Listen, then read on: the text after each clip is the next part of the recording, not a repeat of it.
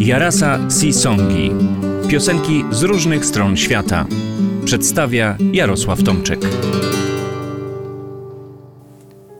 Dzień dobry. Dobry wieczór. Nie wiem, na jakich długościach geograficznych mnie słuchacie, więc może po prostu ahoj. Bestialski atak putinowskiej armii na Ukrainę spowodował, że trudno dziś oderwać się od tematyki wojennej. Rosyjski dyktator obudził demony, które wydawało się jakże naiwnie, że w Europie już się nie pojawią. Rosyjska maszyna wojenna sieje terror i zniszczenie przede wszystkim w Ukrainie, ale piekło wojny dotyka również Rosjan. W obliczu niespodziewanego, bohaterskiego oporu Ukraińców i ciężkich strat na froncie, Putin powrócił do starej praktyki imperialistów przymusowego poboru. Przed paroma dniami niezależna Nowa Gazeta zacytowała jednego ze świeżo powołanych żołnierzy. W XXI wieku po prostu wzięli nas w niewolę i robią z nami co chcą. Okazuje się, że w Donieckiej Republice Ludowej mężczyźni są zabierani z uczelni, banków i fabryk, zatrzymywani w drodze do sklepu i przewożeni do punktów mobilizacji. Taki proceder znamy z historii. Kwitł na terenach wielkich imperiów. Na naszych ziemiach w XIX wieku pod rosyjskim zaborem nosił miano branki. W Imperium Brytyjskim dotyczył przede wszystkim przymusowego werbunku do marynarki wojennej Royal Navy i nazywany jest impressment. A w zasadzie impressment to ogólna nazwa praktyki werbowania załogi na jachty i okręty pod stępem lub pod przymusem. Werbunek na okręty marynarki wojennej nosił zaś nazwę The Press Gang lub krócej The Press. Zaciąg na jednostki niemilitarne nosił nazwę crimping, shanghaiing albo po prostu szanghajska gra. Ale o tym poopowiadam za parę tygodni. Dziś o Gangu. Brytyjska potęga kolonialna marynarką stała. To wszyscy wiemy, zarówno wojenną, jak i handlową. I o ile w latach pokoju zaciąg do floty handlowej był większy niż do wojennej, to w okresie prowadzenia wojen proporcje te się odwracały. W XVIII wieku, w latach wojen, Royal Navy była zmuszona do rekrutowania średnio ponad 60 tysięcy marynarzy rocznie. Tylu chętnych na wyspach nie było. Trzeba było korzystać z narzędzi przymusu. A w takowe brytyjski parlament wyposażył armię już w drugiej połowie XVI wieku. Pierwsza ustawa legalizująca impressment została uchwalona za panowania królowej Elżbiety I. Prawo to było poprawiane i modyfikowane wiele razy wprowadzono liczne ograniczenia, a także system zachęt pozwalających zminimalizować potrzebę werbunku przymusowego. I tak, w okresie, gdy presgang był najpowszechniej stosowany, możliwość przymusowego werbunku była ograniczona do mężczyzn dorosłych w wieku 18-47 lub 15-55 lat. To różnie w różnych latach. Oficjalnie zakazany był impressment w odniesieniu do szczurów lądowych, jakbyśmy powiedzieli, czyli osobników nie mających żadnej morskiej praktyki. To oficjalnie, bo kiedy oddziały presgangu miały płacone za głowę, czy raczej może za ręce rekruta, tak zwane bloody money, no to sami wiecie, jak takie prawo mogło być przestrzegane. No i jak nie można było wcielić do marynarki siłą, to używano często podstępu. Natomiast sam system rekrutacji sprzyjał ochotnikom. Mieli przywileje w postaci premii wpisowych, np. dwumiesięcznych pensji płaconych z góry i generalnie wyższych zarobków oraz ochrony przed wierzycielami sprzed zaciągu. Był też jednak mały haczyk. Ochotnik, który zdezerterował, po złapaniu był tracony. Dezerter zwerbowany siłą po prostu wracał do służby. A dezercja wtedy była powszechnym zjawiskiem. Dotyczyła blisko 25% załogi i okazuje się równo rozkładała między ochotników i ofiary impressmentu. Ten proceder dotyczył przede wszystkim pierwszego roku służby. Później się już nie opłacało, a to z dwóch względów. Royal Navy skwapliwie opóźniała się całymi miesiącami z wypłatą żołdu, więc dezerterowi przepadała znaczna kasa. No i żołnierze marynarki mieli udział w zdobyczach wojennych. Zdobyte okręty wroga, zwane pryzami, były wyceniane, sprzedawane i kasa dzielona między innymi między marynarzy. Dezerterzy pozbawiali się takich profitów. Dziś ocenia się, że w latach konfliktów zbrojnych mniej więcej 25% załóg brytyjskich okrętów wojennych było rekrutowanych pod przymusem. Co zatem pozostałych ciągnęło do Royal Navy? Ano, jak już ktoś miał doświadczenie morskie, to wiedział, że praca na okręcie wojennym była jednak lżejsza od charówy na jednostkach handlowych. Tak, tak. Załogi handlowe były z dekady na dekadę zmniejszane w celu ograniczenia kosztów, zaś liczebność załóg okrętów wojennych determinowały potrzeby obsługi choćby dział czy innych sprzętów. Załogi okrętów Royal Navy były więc kilkukrotnie większe. Tę samą pracę wykonywało więc więcej marynarzy. No i karmieni byli lepiej. O procederze presgangu opowiada wiele piosenek ze świata folku morskiego. U nas najbardziej znana z nich nosi tytuł Presgang właśnie lub Branka. Na Wyspach Brytyjskich piosenka ta nosi jeszcze inne tytuły The Man of War albo On Board a Man of War. Man of War czy Man of War tak wyspiarze nazywają potężny okręt wojenny. Sama piosenka jest stara, pochodzi prawdopodobnie z XIX wieku. Pierwsze jej zapiski pochodzą z początku XX. Ernest John Moran, angielski kompozytor i zbieracz folkowych piosenek, spisał ją od śpiewaka Jamesa Satona w Winterton w hrabstwie Norfolk. Wczesne jej wykonania zupełnie nie przypominają piosenki, jaką śpiewa się u nas. Posłuchajcie choćby Iwana McCalla. As I walked down on London Street, a press gang there I chanced to meet. They asked me if I'd join the fleet on board of a man of war, boys. Come, brother shipmates, tell me true what kind of treatment they give you that I may know before I go on board of a man of war, boys. When I got there, to my surprise, all that they told me was shocking lies. There was a row and a jolly old row on board of a man of war, boys. The first thing they done, they took me in hand, they lashed me with a tar of a strand. They flogged me till I could not stand on board of a man of war, boys. Now I was married and my wife's name was Grey, 'twas she that led me to shocking delay. 'Twas she that caused me to go away on board of a man of war, boys.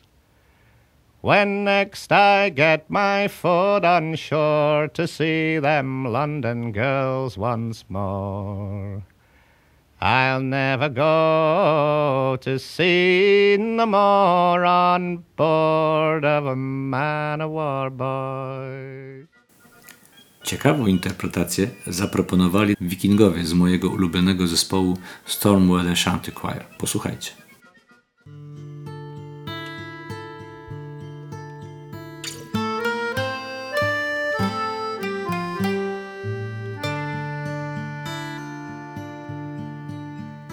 As I walked out on a London street, a press gang there I chanced for to meet.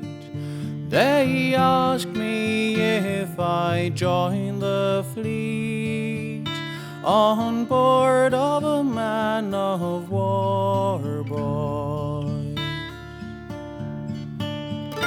Pray, brother shipmates, tell me true what sort of usage they give you, that I may know before I go on board of a man of war. boy. But when I went to my surprise, all that they told me was shocking lies. There was a row, yeah, a bloody old row, on board of a man of war, boy. The first thing they did, they took me in hand, they flogged me with a tarry strand.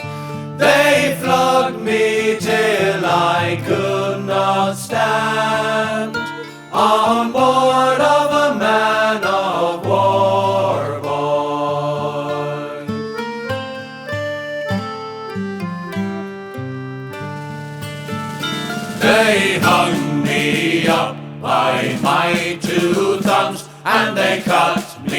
till the blood did run. And that was the usage they gave me on board of a man of war boy.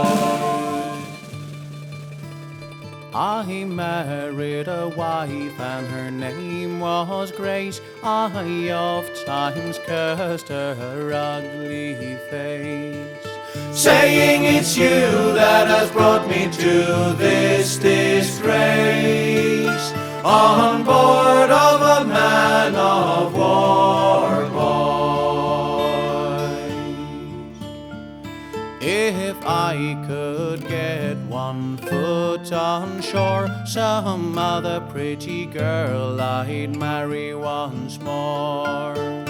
Neither winds nor waves would entice me anymore. On board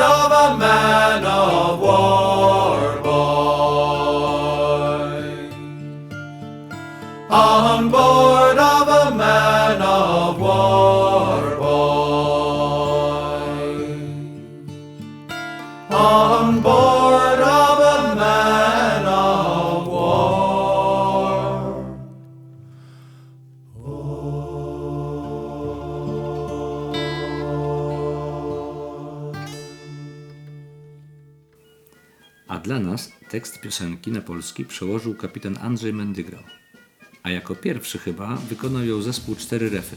Melodia została tym razem zaczerpnięta z interpretacji grupy Hard Backboard z początku lat 80. i stała się u nas, jakby powiedzieć, kanoniczną.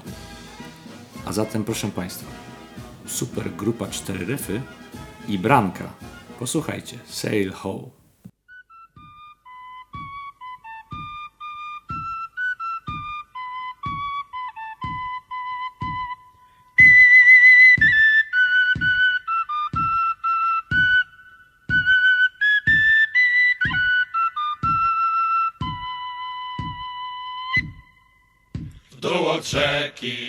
Poprzez London Street psów królewskich oddział zwarty szedł.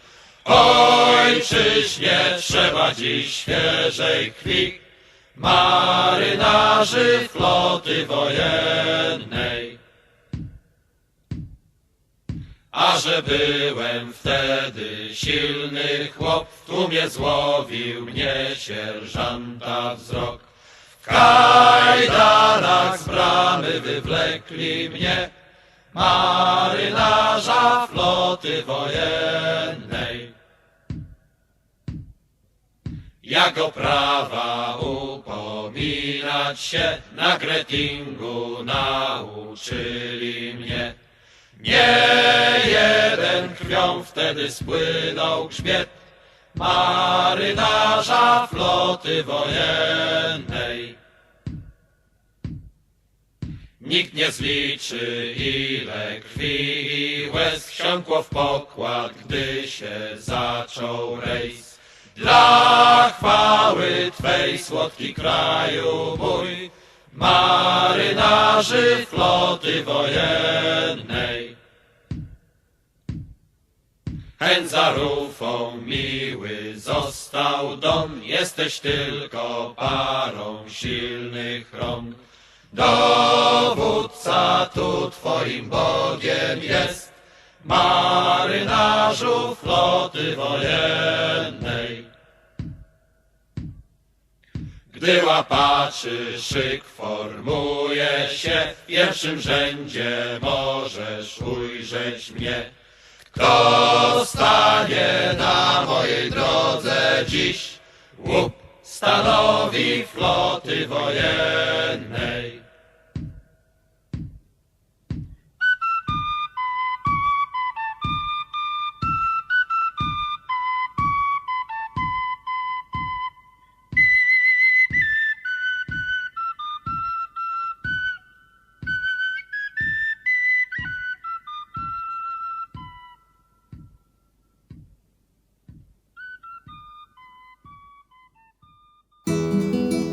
Jarasa Sisongi.